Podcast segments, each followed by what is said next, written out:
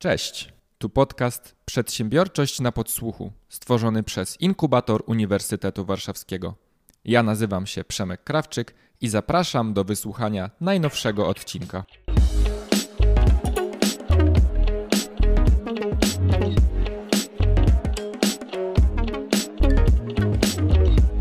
Witajcie, dzień dobry. Bardzo się cieszę, bo to już piąty odcinek, który, piąty odcinek podcastu, który nagrywamy i dotyczy on naszego raportu Just Start. Całe wakacje poświęciliśmy e, temu raportowi. Uważamy, że jest niesamowicie ważny.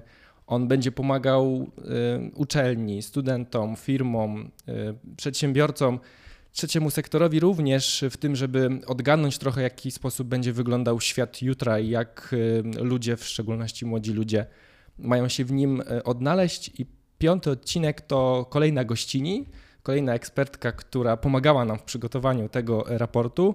Jest z nami dzisiaj Lena Rogowska-Lewandowska. Lena jest trenerką równościową, facylitatorką i wiceprezeską Fundacji Kultury Dialogu. Dzień dobry, Lena. Dzień dobry. I nie jesteśmy tutaj tylko we dwójkę. Zauważyliście, że od niedawna staramy się zapraszać więcej osób do uczestniczenia w naszych rozmowach i ci, którzy pracują na co dzień w inkubatorze, chętnie tutaj do, do nas do studia przychodzą i bardzo mnie to cieszy. Jest z nami dzisiaj też Dorota Marszałek. Cześć Dorota. Cześć. Dorota na co dzień kieruje e, taką częścią inkubatora, która e, skupia się na wspieraniu uczestników na pomaganiu e, w rozwoju tych wszystkich projektów, które spływają do nas i na wsparciu dla e, wszystkich studentów, ale też nie tylko, bo pracownicy uniwersytetu też do nas przychodzą. I no, my dzisiaj będziemy starali się rozmawiać o naszym raporcie, o którym za chwilę, e, za chwilę jeszcze więcej będziemy wspominać, ale ja Lena nie mogę przepuścić tej okazji, bo mnie bardzo mm, ten temat interesuje. E, jesteś wiceprezeską Fundacji Kultury Dialogu, e, a ja patrząc dzisiaj na dialog, który się w przestrzeni głównie publicznej rozgrywa, no jestem załamany. E, od, odpalając sobie, nie wiem, telewizor albo czytając Twittera, no ja niestety uważam, że ten, ten dialog jest coraz trudniejszy i czy ty też to widzisz, czy też uważasz, że generalnie ta tendencja jest taka zniżkowa, czy czy my w ogóle coś możemy z tym zrobić i, i w jaki sposób my dzisiaj możemy, e, jakbyś nam mogła, nie wiem, może takie właśnie jakieś dobre wskazówki, e, w jaki sposób ten dialog my powinniśmy budować, rozmawiając, nie wiem, między sobą albo prowadząc jakieś dyskusje na przykład w internecie, no bo chyba pora coś, coś z tym zrobić. Mhm. No tak, dlatego założyłyśmy Fundację Kultury Dialogu, bo zobaczyłyśmy, że z dialogiem w Polsce jest e, coraz gorzej. To jest nasza diagnoza. Kiedyś było lepiej, Kiedyś nie było internetu i komórek, i więcej czasu spędzało się na podwórkach i się więcej gadało. Może dlatego było łatwiej gadać, może więcej czasu spędzało się przy stołach z rodzinami i się gadało. No ale teraz jest jak jest, i mam wrażenie, że ta taka trudność w dogadaniu się bierze się bardzo stąd, że wiele osób ma ogromną potrzebę tego, żeby nie pokazać swojej słabości, nie stracić twarzy i koniecznie pokazać, że to oni mają rację. A w momencie, kiedy wchodzę w rozmowę z takim nastawieniem, że to ja mam rację i że ja wiem, że ty nie masz racji, no to to nie jest rozmowa. W różnych warsztatach, które prowadzimy, pokazujemy, że w rozmowie nie chodzi o to, żeby mieć rację albo udowodnić drugiej osobie, że ta osoba racji nie ma, ale o to, żeby budować relacje czyli o to, żeby mieć w sobie ciekawość i gotowość do tego, żeby poznawać świat z różnych perspektyw. I ja wiem, że to się udaje. Jest mnóstwo wspaniałych przestrzeni, w których ludzie ze sobą rozmawiają. To się dzieje czasami przypadkiem, a może i nie przypadkiem, ale to tak wygląda, jakby to był przypadek na warsztatach, e, kiedy spotykają się osoby z bardzo różnych stron, czasami nawet z dwóch stron medialnej barykady. Spotykają się dziennikarki, dziennikarze z TVP i TVN y, i rozmawiają ze sobą. Mhm. I się okazuje, że mamy takie same uczucia i potrzeby i możemy o tym rozmawiać. No to, że ten temat jest istotny, to u nas w podcaście już wybrzmiało, bo gościnią jednego z odcinków była założycielka horyzontalnego klubu dyskusyjnego u nas na uniwersytecie, Shin y, Mazur. I odsyłam was, bo jest do odnalezienia jeden z poprzednich odcinków naszego podcastu. A ja tak y, trochę już skręcając w stronę raportu, chciałem podpytać, czy Twoim zdaniem y, dialog międzypokoleniowy dzisiaj Jak, jak to dzisiaj wygląda? Czy właśnie ten, ta, te bariery wiekowe, czy te różnice wieku to jest bardziej przeszkoda, czy bardziej coś, co jednak może efektywnie łączyć i być takim pomostem w budowaniu jakiegoś porozumienia? No to, to jest takie pytanie, na które bardzo trudno jest y, odpowiedzieć jednoznacznie, jak jest, no bo jest różnie. Y, jest bardzo dużo trudnych emocji w dialogu międzykulturowym, takiej złości, że ci starsi nie rozumieją, albo ci młodsi zadzierają nosa i też nie rozumieją. Y, I tak jak mówiłam wcześniej, bardzo ważne jest, żeby dbać o tą swoją ciekawość y, i o to, żeby zrozumieć, dlaczego osoba urodzona w roku 81, tak jak ja, albo 71, albo 61, albo jeszcze wcześniej, patrzy na świat tak, jak patrzy. Y, że każdy z nas widzi świat troszkę inaczej, bo to, co mamy przed oczami, to też wszystkie rzeczy, których wcześniej doświadczaliśmy. No, domeną młodych jest to, że wydaje im się, że wiedzą wszystko najlepiej i jest w tym dużo wspaniałego. E, I jak pracuję z młodymi, to zachwyca mnie taka ich e, właśnie otwartość i to, że mm, tam, gdzie e, wcześniejsze pokolenia zawsze udzielały takiej samej odpowiedzi, oni nagle udzielają innej i że się od nich uczę. E, ale to też jest taka praca nade mną, żebym, żebym tak sobie pozwoliła się od nich uczyć. Czyli, żebyśmy mogli lepiej gadać międzypokoleniowo, myślę sobie, że warto by było, żeby osoby starsze, do których zaczynam siebie zaliczać od jakiegoś czasu, e, przyjęły do wiadomości, że to jest ten moment, żebyśmy się zaczęli od młodych uczyć, mhm. bo to im e, zostawiamy ten świat a osoby młode, żeby przyjęły do wiadomości, że te różne doświadczenia, które my starsi zbieraliśmy, też coś wnoszą do tego świata. Super, no bo ja widzę w na przykład dyskusjach o kryzysie klimatycznym dużą przepaść pokoleniową. To jest moim zdaniem taki temat, który polaryzuje też ze względu na wiek, bo młodzi ludzie są tym faktem przerażeni, wiedzą, że przyjdzie im żyć za kilkanaście lat w prawdopodobnie bardzo nieprzyjaznym środowisku, mają pretensje do starszych, że mm, patrzyliście na to, nic nie zrobiliście albo dołożyliście do tego cegiełkę. Ci starsi nie zawsze mają ten temat, nie zawsze go czują, nie są może zawsze na bieżąco z y, wynikami badań naukowych najnowszych, bo ich wiedza często jest taki efekt kotwicy, że jak się nauczyłem czegoś na przykład na studiach kilkanaście lat temu, to do końca życia będę uważał, że tak jest, no bo nie aktualizuję tej swojej wiedzy. No i tutaj y, ja widzę na przykład tą, tą dużą przepaść i to zakopywanie jej jest, y, no, jest bardzo trudne tak naprawdę. Mm, ja w starszym pokoleniu też widzę ogromne poczucie winy.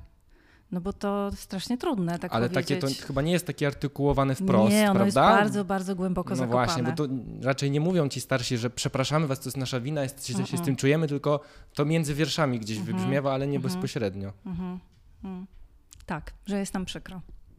Ja chciałabym pociągnąć ten temat przyszłości, o której mówimy, ale może bardziej pozytywnie, e, ponieważ również e, zajmujesz się, e, jesteś trenerką gender balance i chciałabym przede wszystkim poprosić Cię, żebyś może naszym słuchaczom powiedziała troszkę więcej, co to jest. A jest to dla mnie ważny temat, dlatego że z naszego raportu wyszło to, że 54% kobiet szukając w przyszłości pracy zwróci uwagę na to, czy właśnie organizacja ma politykę równościową.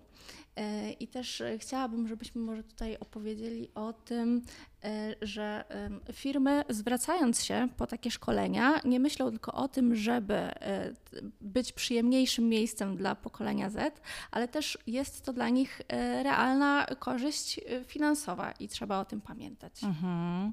No tak, gender balance, czyli po prostu równość płci. Tak, tak możemy o tym mówić w języku polskim. Taka równowaga między różnymi płciami.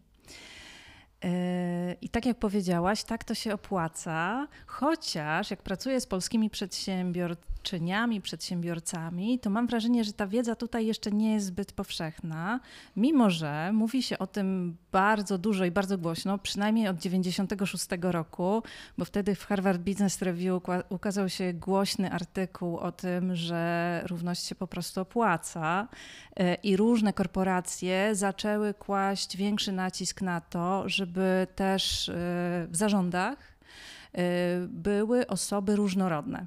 Nie tylko jeśli chodzi o płeć, ale także o pochodzenie społeczne czy etniczne, yy, sprawność albo neuroróżnorodność. Teraz poszerzamy te obszary różnorodności. I podejście lat 90. do różnorodności było takie, że wystarczy w pokoju posadzić różnorodne osoby i będziemy mieć większy zysk.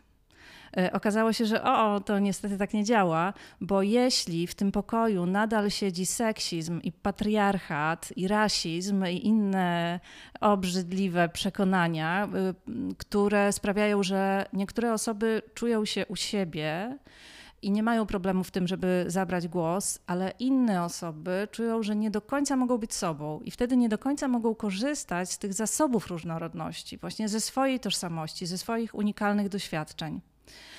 E, więc to tak nie działa. E, I co trzeba zrobić, żeby różnorodność przynosiła nam korzyści? Po pierwsze, tak, musimy się spotykać w różnorodnych zespołach, ale po drugie, te zespoły muszą dbać o włączanie.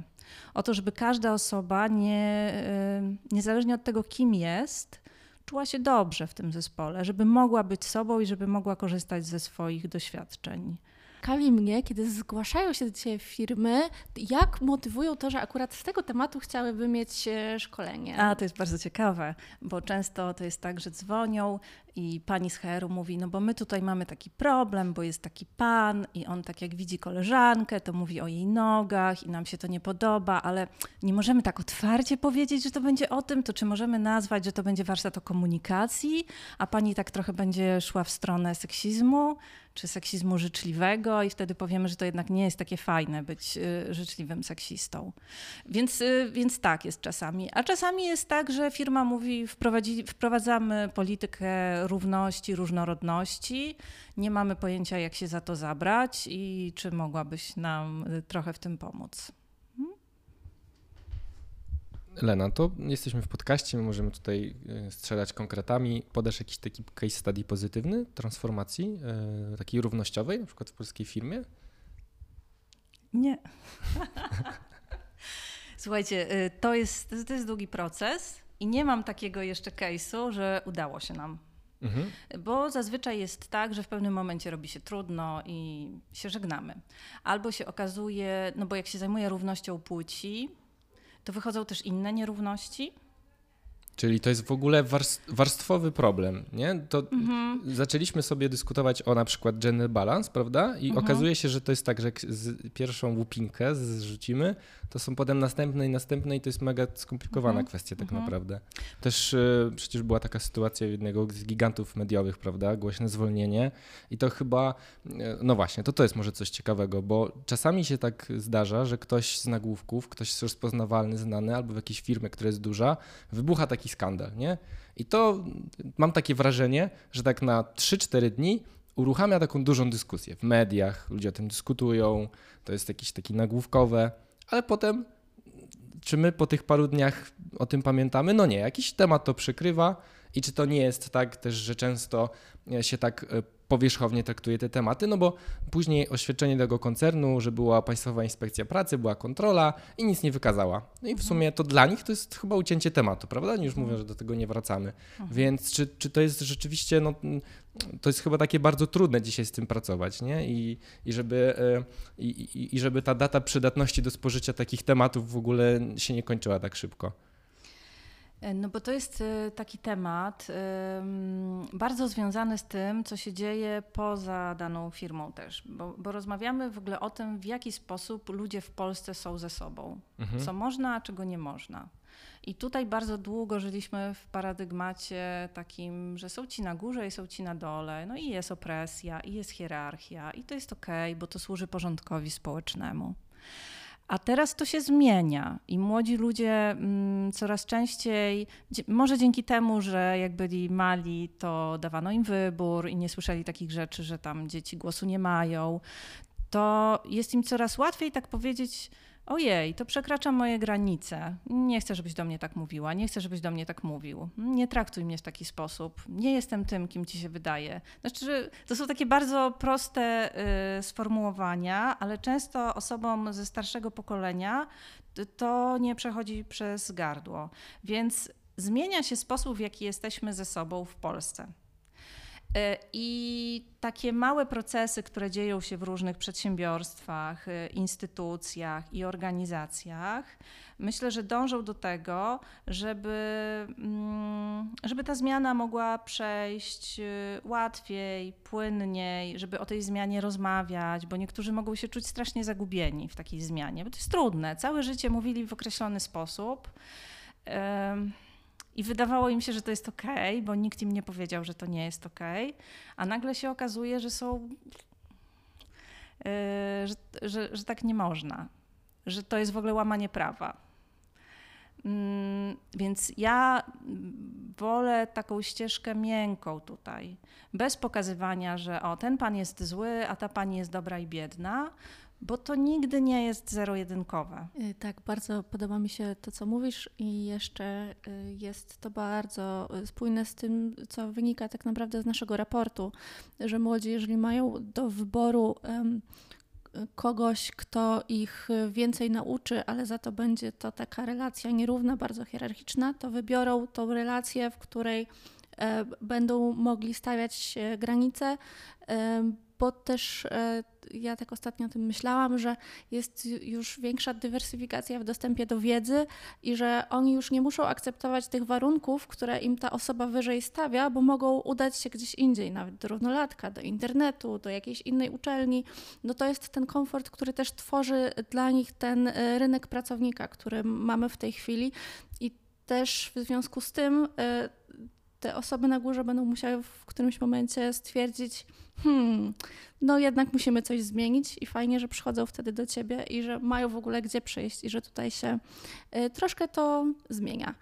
Y, ale teraz chciałabym na chwilę porzucić temat y, pracodawców i chciałabym przejść do tematu może startupów, pojedynczo zakładanych przedsięwzięć nowych przedsięwzięć przede wszystkim, e, ponieważ mamy w raporcie taki bardzo e, ciekawy wniosek, jakim jest to, że sprawczość jest młodą kobietą.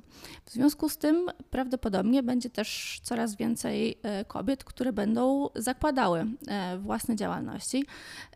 I chciałabym zapytać Cię, czy gdybyśmy mogli pokusić się o taką rzecz jak przewidzenie przyszłości, to czy myślisz, że w najbliższym czasie ta tendencja się utrzyma i to, co teraz jest nazwane femtechem, e, czy to stanie się standardem? Jak sądzisz z Twojego doświadczenia? Mm, moim marzeniem jest, żeby tak się stało. Pomimo tego wszystkiego, co się dzieje w Polsce i na świecie, nadal jestem optymistką i myślę, że tak się stanie. Bo jak patrzymy na przeszkody, na bariery, to dlaczego y, kobietom do tej pory tak trudno było rozwinąć skrzydła?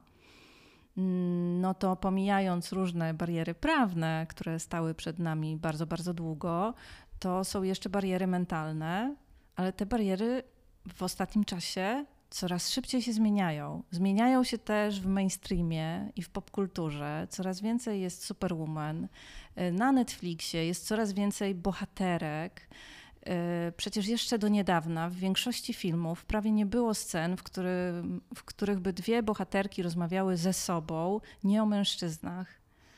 Od kilku lat tych scen jest bardzo dużo. I to jest, y, i to jest ogromna zmiana, bo jak się popatrzy na to, na stereotypy, na uprzedzenia i na coś, co jest jeszcze bardziej zakopane w naszej podświadomości, co się po angielsku nazywa implicit bias. W Polsce się o tym mówi jako nieujawnione uprzedzenia, a czasami po prostu implicit bias, czyli takie rzeczy, z których sobie nie zdajemy sprawy, coś, co jest w nas głęboko zakopane, a jednocześnie wpływa na sposób, w jaki podejmujemy decyzje. Y, jest taki test, który bada implicit bias, harwarski test. Za darmo można sobie zrobić ten test i przebadać swoje y, nieświadome uprzedzenia. Ja jakiś czas zrobiłam sobie ten test. Przebadałam moje postawy wobec kobiet. Wynik, jaki osiągnęłam, jest najgorszy z możliwych. Mam najwyższy możliwy poziom seksizmu. Głęboko, głęboko w podświadomości. Ja się spodziewałam bardzo złego wyniku, Miałam nadzieję, że nie będzie najgorszy. Jest najgorszy. I o czym to mówi? Ja, ja, całe życie pracuję z kobietami, jestem kobietą, uwielbiam kobiety, uwielbiam kobiecą przedsiębiorczość. Jednocześnie urodziłam się w Białymstoku w latach 80. w określonym kontekście społecznym. Czytałam określone podręczniki, również do historii, gdzie nie było kobiet. Na banknotach nie ma kobiet. W filmach, które oglądałam, nie było kobiet. I ja uwewnętrzniłam takie przekonanie, że to, co ważne, to męskie jest, a to, co kobiece, jest słabe i domowe. Osoby, które są młodsze ode mnie, na szczęście oglądają inne filmy, czytają inne książki i w mózgu im się to trochę inaczej układa, więc też te bariery przed kobietami yy, myślę, że będą znikać. Y, tak, ja y, ostatnio dyskutowałam z kimś na temat y, tego, co dzieje się na Netflixie i w pozostałych platformach streamingowych i ostatnio wyszedł ten nowy serial She-Hulk Hulk bodajże i wtedy ktoś z mojego towarzystwa zapytał, no jasne, to teraz brakuje nam jeszcze tylko Spidermana kobiety. Ja mówię, no pewnie już produkują, tylko skolejkowali go na następny etap i widziałam w tej osobie obawę i, i jemu się to nie, nie podoba. On Y, jak możemy to wytłumaczyć? Jak uspokoić też y, takiego mężczyznę, y, chłopaka czy dziewczynę, że to jest w porządku i możemy iść tą drogą i to nie, nie powinno podburzać poczucia bezpieczeństwa. Mm. No ja bym bardzo chętnie porozmawiała z taką osobą, bo ja bym się bardzo chciała dowiedzieć więcej. Dlaczego on, co on czuje tak naprawdę? Czy to jest zagrożenie? Czy to, czy to jest jakiś lęk, czy, czy co to jest? I jakbym się już dowiedziała, co czuje ta osoba, to bym chciała razem z taką osobą eksplorować, dlaczego ona to czuje, czyli czego ona potrzebuje. Hmm?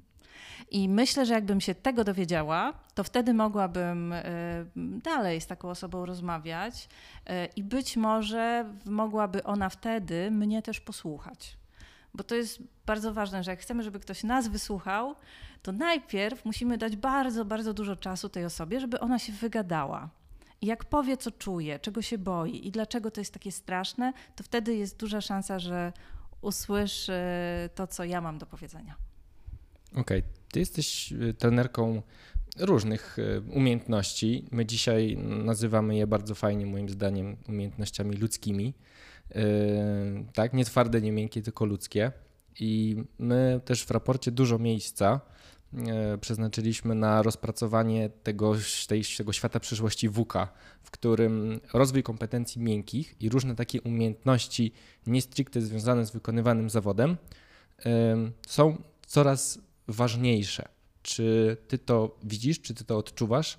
Czy pracodawcy to widzą i to wiedzą, że ktoś, kto przychodzi jako programista do pracy nie powinien tylko umieć programować w swoim języku i fajnie się odnajdować, tylko powinien na przykład przy okazji mieć jakieś podstawowe kompetencje, nie wiem, pracy w zespole, komunikacji, autoprezentacji, czy na przykład takiej komunikacji bezprzemocowej, której ty też, z której ty też szkolisz i, i uczysz, w jaki sposób powinniśmy właśnie ze sobą rozmawiać. Mhm.